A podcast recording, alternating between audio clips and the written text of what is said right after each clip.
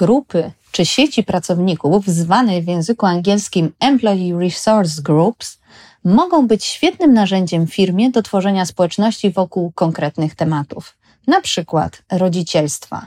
Utworzenie takiej grupy dla rodziców to narzędzie do pozyskiwania opinii pracowników, badania ich potrzeb, tworzenia nowych rozwiązań dopasowanych do pracowników rodziców Twojej organizacji. Takie grupy to też korzyści dla samych zainteresowanych, czyli pracowników rodziców. Jakie to są korzyści, jak stworzyć taką grupę w swojej organizacji i jak efektywnie ją prowadzić, porozmawiam z Moniką Lis, menadżerką projektów w Zespole Szkoleń i Rozwoju Pracowników w State Street Banku. Zapraszam serdecznie. Podcast Wspólne Dzieci Wspólne Obowiązki. Rozmawiamy o partnerstwie w związku, dzieleniu się opieką nad dziećmi i obowiązkami domowymi oraz o innych wyzwaniach i przyjemnościach rodziców. Cześć Monika. Cześć Karolina, dziękuję bardzo za zaproszenie. Ja również bardzo się cieszę. No więc y, zaczynamy naszą rozmowę. Będziemy rozmawiać o grupach pracowniczych i może zacznijmy najpierw od zdefiniowania, co to jest ERGs, tak mówiąc po angielsku, zaraz pewnie rozwiniesz, jaka jest ich funkcja w firmie. Oczywiście. Ja myślę, że właśnie od tego powinniśmy zacząć, e, ponieważ ten skrót jeszcze po angielsku nie zawsze jest e, dla wszystkich jasny. Tak więc ERG, czyli Employee Resource Groups, to po polsku sieci pracownicze. I te właśnie sieci pracownicze to tak naprawdę konkretne, praktyczne działania e, w zakresie D&I, czyli Diversity, Equity and Inclusion, czyli z polskiego mhm. różnorodność i integracja. Mhm. Tak więc te właśnie pracownicze sieci to są grupy pracowników danej organizacji, którzy to um, działając wolontaryjnie, czyli mhm. poza swoją główną rolą biznesową, chcą działać na rzecz podnoszenia świadomości, integracji pracowników wokoło tematu różnorodności. I tej mhm. różnorodności na przykład płci, wieku czy narodowości, etniczności. Mhm. E, w przypadku klubu rodziców pracujących, którego mam przyjemność e, prowadzić już od ponad 8 lat, my mhm. skupiamy się na tej roli w życiu prywatnym, jakim jest e, parenting, tak, czyli rodzicielstwo, jako mhm. jedna z, z ról opiekuńczych. Do tej funkcji, mhm. jeżeli um, myślimy o funkcji, jaką pełnimy, ja tutaj się jakby skupię na tej funkcji naszego konkretnego komitetu klubu, mhm. to przede wszystkim reprezentowanie naszych pracowników, pracowniczek, rodziców.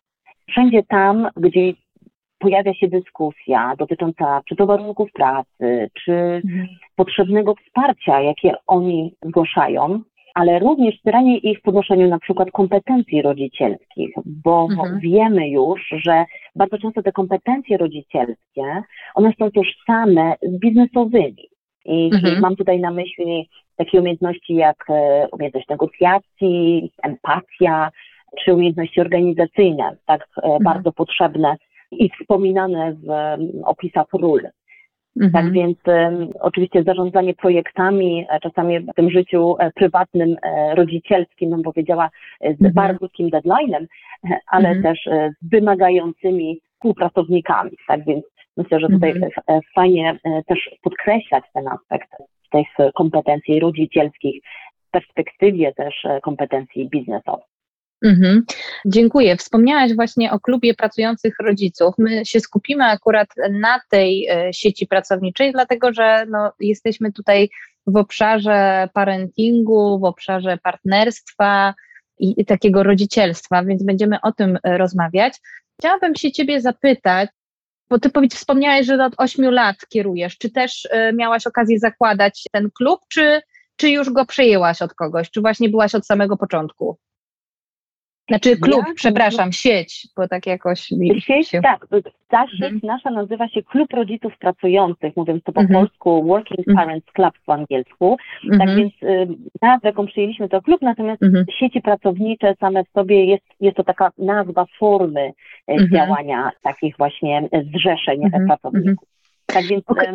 8 lat temu, tak na dobrą sprawę, ja wróciłam po pierwszym moim okresie urlopu macierzyńskiego i dopiero wtedy świadoma nowej mojej roli, zainteresowałam się tym klubem. Tak więc nie ja go tworzyłam, tworzyła go wspaniała kobieta, mama, która dalej z nami współpracuje w ramach e, klubu, e, mhm. Ula Heimo. Tak więc ja przejęłam tą rolę lidera chwilę po tym, bo on już mhm. ten um, istnieje ponad 10 lat, mieliśmy w tym roku rocznicę, dziesięciolecie. Mhm. Tak więc ja po, w tym momencie um, 8 lat temu stanęłam z ogromną przyjemnością właśnie w tej roli. Mhm. Ja jeszcze dodam jedną rzecz, powiem Ci, bo jak opowiadałaś, co to są te sieci pracownicze, to przyszło mi takie skojarzenie ze związkami zawodowymi. Nie wiem, bo w pewnym momencie powiedziałeś, że to mm, jest szansa na reprezentowanie społeczności rodziców we wszystkich takich sytuacjach, gdzie jest mowa o rodzicach, tak, w strukturze organizacyjnej. Szczerze mówiąc, pojawiło mi się takie skojarzenie z związkami. Czy też tak y, w jakim stopniu to też jest z tym związane, czy nie? Powiedziałabym, że tak na dobrą sprawę dbanie o interesy, ale przede mhm. wszystkim o zapewnienie wsparcia e, rodzicom mhm. pracującym jest jakby podobną formą e, działania do właśnie mhm. Mm, do tej formy, o której wspomniałaś. Natomiast takich ERG w naszej organizacji jest więcej. E, mhm. Każdy z nich skupia się wokół danego tematu. Mhm. Mamy temat Pride, LGBT, Mamy też e, kobiecy e, network, mamy też mhm. network związany z różno, różnymi kulturami, narodowościami. Tak więc mhm. każdy z tych networków gdzieś będąc specjalistą w temacie, to jest bardzo ważne dla nas, tak? My mhm. konkretnie um, dotykamy czasami tylko jednego tematu, ale też współpracujemy ze sobą, więc, więc mhm. rozmawiamy też czasami międzydyscyplinarnie, tak? Mhm. E, tak więc y, jest to taka, bym powiedziała, troszkę forma e, związków zawodowych, ale bym powiedziała dedykowanych konkretnemu tematowi. Mhm. Trochę nawet szersza mi się wydaje niż związki zawodowe, tak jak Ciebie słucham. No dobrze, a teraz chciałabym zapytać, bo szczerze mówiąc, zgłaszają się do nas czasami pracodawcy i pytają o, o takie sieci pracownicze i pytają, no dobrze, ale jak jak zacząć, czyli jak założyć taką sieć pracowniczą. No, do nas oczywiście w kontekście klubu rodziców, tak, takiej sieci zrzeszających rodziców. Od czego zacząć i jak założyć taką sieć e, w swojej organizacji? I to jest bardzo e, ważne pytanie, ponieważ e, to zanim przejdę do dwóch opcji, możliwości założenia takiej sieci, to chciałabym podkreślić taki bardzo istotny fakt, że te sieci mają naprawdę bardzo duże znaczenie z perspektywy tego, że one odpowiadają na konkretne potrzeby. Czyli mhm. są w stanie zgromadzić osoby, które w ramach tej sieci, które żywo będą działały na, na ich rzecz, a jest to działanie wolontaryjne, tak więc mhm. musimy tu podkreślić tą, tą istotność. Natomiast e, jeżeli chodzi o formy, w jakich możemy podejść do tego tematu, to jest tak zwana inicjatywa oddolna, mhm.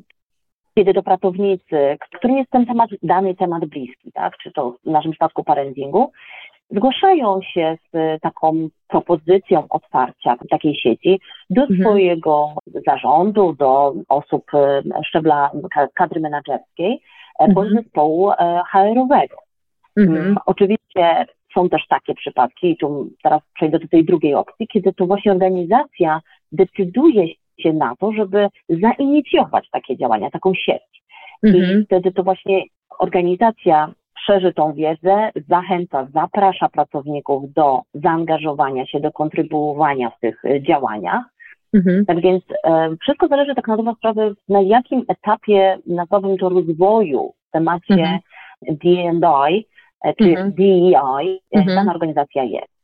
Natomiast mhm. kolejne kroki będą z pewnością już e, dużo bliższe sobie w tych obu wersjach, sposobach założenia, ponieważ dalej już jest to bardzo istotne, bardzo istotne będzie po prostu rozmowa pomiędzy, jeżeli w danej organizacji istnieje dział czy osoba odpowiedzialna za temat D&I, to mhm współpraca pomiędzy właśnie takimi osobami w roli e, specjalistów od D&I, zespołem mhm. HR oraz mhm. tymi um, sieciami jest bardzo ważna i to wtedy tworzy się kolejne działania, plany na działania. Tak więc mhm. początek może być różny mhm. i, i tak pół żartem, pół serio najtrudniejszy pierwszy krok. Mhm. Natomiast y, bardzo ważne jest, żeby w kolejnych krokach już rozpoznawać właśnie potrzeby organizacji. I nieważne jak zaczniemy, tak na dobrą sprawę, mhm. ważny jest kolejny etap, tak, żebyśmy mhm. dobrze rozpoznali potrzeby właśnie naszej organizacji pod kątem mhm. między innymi struktury wiekowej, płciowej, jeżeli mamy taką możliwość, bo oczywiście musimy być bardzo świadomi i też dotykając tematu parentingu. Według mhm. polskiego prawa nie mamy takiej możliwości i, i, i prawa zapytać pracownika, czy jest rodzicem. Mhm. Tak więc e, oczywiście dobrowolnie, jeżeli pracownik e, ma ochotę podzielić się tą informacją, to my możemy zachęcać do uczestnictwa, natomiast w żaden sposób nie jesteśmy w stanie tak do końca określić. Tak więc mhm. myślę, że tutaj znajomość e, może nie powiem statystycznie, ale gdzieś e, poprzez informacje z GHR jesteśmy w stanie szacunkowo, powiedzmy, e, myśleć, jaka, jak liczna byłaby ta grupa zainteresowana. Mhm. I tak patrząc z Waszego doświadczenia z tej Street Banku, ta sieć rodziców, klub rodziców, jak on jest duży? I też chciałam zapytać, bo mówiłaś właśnie, że diagnozowanie potrzeb i że właśnie tak taki klub jakby adresuje te potrzeby. Jakbyś powiedziała po prostu z Waszego doświadczenia, co ten klub zdziałał, ale co udało Wam się osiągnąć? Na pewno mieliście jakieś podsumowanie w związku z tym dziesięcioleciem dla właśnie tak. takiej społeczności rodziców u Was. Jak najbardziej. Jeżeli chodzi o y, to, w jakiej formie działamy i mhm. jaką grupę pracowników zrzeszamy, to chciałabym tutaj zaznaczyć jakby dwie grupy, o których mówimy. Pierwsza są to e, osoby, które działają, kontrybuują mhm. na rzecz tych wszystkich aktywności, które tworzymy i przeciętnie, bo w zależności od okresu roku, przez 10 lat ta, ta sytuacja i ta ilość fluktuowała z pewnością, to jest około mhm. 10 osób, które pracują aktywnie, mhm. tak zwani aktywni lidersi, którzy mhm. działają, tworzą właśnie te eventy, te wydarzenia, te mhm. programy. Mhm. Natomiast jeżeli chodzi o grupę, m, taką listę dystrybucyjną, w której jeżeli pracownik, pracownica zapisuje się do takiej listy, dzięki temu mhm. dostaje informacje o naszych działaniach, kalendarz, informacje, czym warto wziąć udział, no to mhm. w tym momencie y, mamy ponad 700 y, osób na mhm. takiej liście dystrybucyjnej. Oczywiście mhm. zapisy są dobrowolne, y, w żaden mhm. sposób pracownik nie jest tutaj pytany o to, mhm. czy chce, tylko sam dobrowolnie zgłasza. Mhm. No, to jest całkiem duża społeczność, prawda? Tak, tak. Biorąc pod uwagę nasze dwa biura, jedno w Krakowie, jedno w Gdańsku, mówię tutaj o ilości wspólnej, ponieważ e, część inicjatyw, i tu powoli przejdę właśnie do tego podsumowania hmm. naszej aktywności, naszych działań. Część inicjatyw jest y, ogólnokrajowa, część z nich nawet, bym powiedziała, jest otwarta na uczestnictwo naszych kolegów, koleżanek z innych oddziałów State Street Bank, y, na przykład z IMIA, Mhm. Ale są też aktywności, które robimy bardziej lokalnie, szczególnie teraz po powrocie częściowym y, do biur. Możemy też działać już konkretnie lokalnie mhm. dla społeczności lokalnych, bo to, y, o czym też chciałabym wspomnieć, to nasza współpraca jako klubu mhm. z fundacjami profesjonalnymi, prężnie działającymi, które nam jako klubowi e, dostarczają bardzo ważną, merytoryczną wiedzę, e, mhm. programy, w których możemy brać udział, a z drugiej strony my też jesteśmy w stanie zaproponować nasze wsparcie, mhm. chociażby w projektach mentoringowych. Mamy na myśli Fundację Mamopracy. Mhm. Natomiast jak Karolina doskonale wiesz, we współpracy właśnie z Fundacją Share the Care mhm. tworzymy też programy tutaj dla naszych pracowników e, mhm. i nie powiem dedykowanych e, ojcom, ponieważ e, mhm. wspólnie mamy to zdanie, że tak. o ojcostwie i o wspieraniu wychowywania dzieci zarówno przez ojca, jak i mamę, czy ogólnie rodziców, tak, mhm tutaj powinniśmy rozmawiać z wszystkimi rodzicami, nie tylko tak. z jednym z nich. Mhm. Tak więc y, biorąc pod uwagę nasze działania, to są to programy rozwojowe dla naszych rodziców e, w mhm. tym zakresie profesjonalnym, kompetencji rodzicielskich również, między mhm. innymi spotkania z psychologiem dziecięcym. Mhm. Mamy też warsztaty dla rodziców powracających po okresie macierzyńskim, wychowawczym, po dłuższym urlopie, mhm. E, który był związany z opieką nad e, dzieckiem. Mhm. E, I te warsztaty są zarówno częściowo przed odejściem na taki urlop i po mhm. powrocie.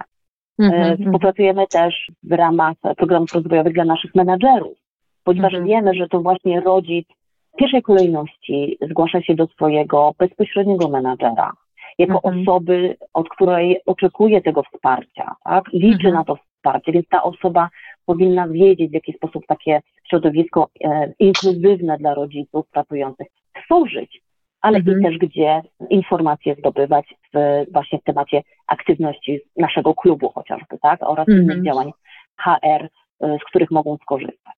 Mhm.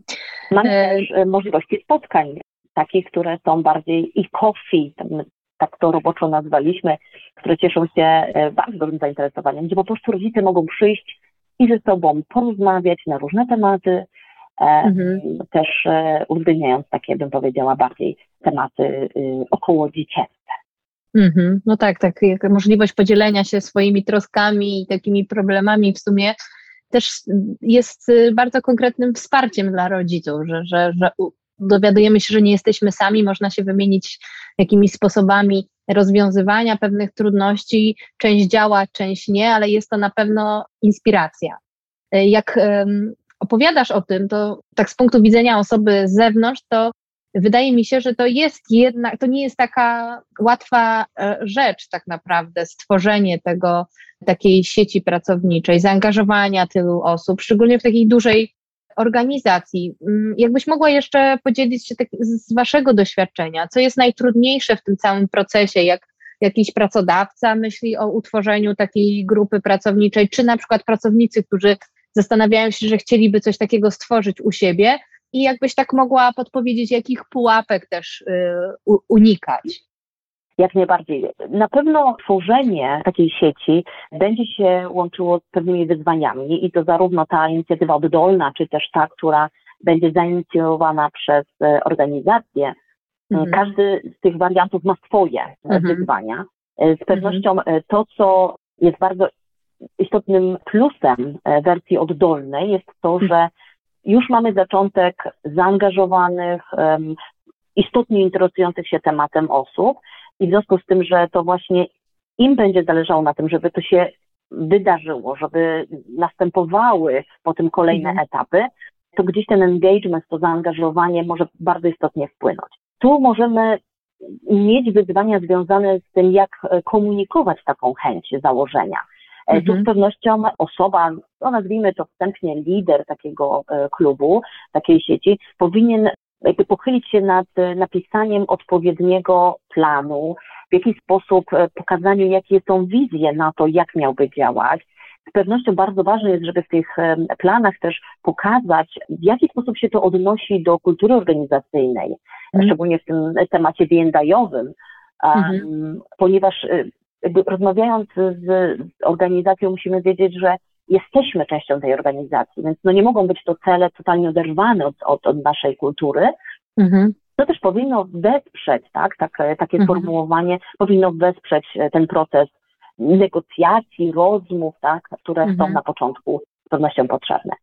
Mhm. Jeżeli mówimy o tej drugiej wersji, czyli kiedy to organizacja inicjuje, tutaj z takich wyzwań, które ja widzę, to po pierwsze komunikacja do odpowiednich kanałów, e, w odpowiednich kanałach do osób, które potencjalnie są zainteresowane. No i tu wracamy do tematu. Nie możemy jako e, zespół HR na przykład sprawdzić, kto jest rodzicem, kto nie. Tak więc ta komunikacja nie może być mocno celowana, bo nie mamy takich danych, bądź są one typowo szacunkowe. Więc to byłby jeden, jedno takie wyzwanie. Natomiast druga rzecz, która e, też nasuwa się, to potrzeba zaangażowania pierwszych osób, tak? Znalezienia tych właśnie liderów, tych osób, które to poprowadzą, bo to, co z mojej perspektywy jako wieloletniego lidera jest isto- istotne, to jest to um, taki role model, taki leadership, który musi nastąpić w tej strukturze ERG, żeby to dalej poszło i zaowocowało działaniami ponieważ em, no, są to działania, tak jak podkreślam, wolontaryjne, tak więc nie możemy powiedzieć, że y, tutaj nie będzie to tworzenie biznes unitu, tak, tej jakiejś Mhm. or, części w organizacji, która będzie dedykowana do robienia tego, tylko będzie to wolontaryjne działanie, tak więc myślę, że tu warto podkreślić tą potrzebę znalezienia tego lidera, który gdzieś przejmie na siebie tą rolę e, tworzenia planu, poszukiwania osób, które chciałyby z nim współpracować, tych e, mhm. właśnie members, czyli członków takiego e, mhm. komitetu, sieci, klubu, ponieważ mhm. nazewnictwo może być bardzo różne. Mhm. To, jakby tutaj bardzo chciałam podkreślić, to, to, to jest to, z czym ja się y, bardzo często spotykam, że nie zawsze pracownicy muszą czekać, aż pracodawca podejmie tą inicjatywę, tak? Mhm. Mm, warto i do tego zachęcam, naprawdę, że oddolnie, te inicjatywy oddolne, one naprawdę mają bardzo duże szanse zaistnienia, więc y, zachęcam do tego, mhm. żeby, żeby właśnie wspierać ten temat, który jest nam bliski, próbować mhm. zmieniać to, co jest do zmiany, a na czym nam bardzo zależy, tak? Bo to my jesteśmy częścią tego środowiska, tej organizacji, więc tak samo dbajmy o to, żeby, żeby ono było inkluzywne również dla nas. Mhm.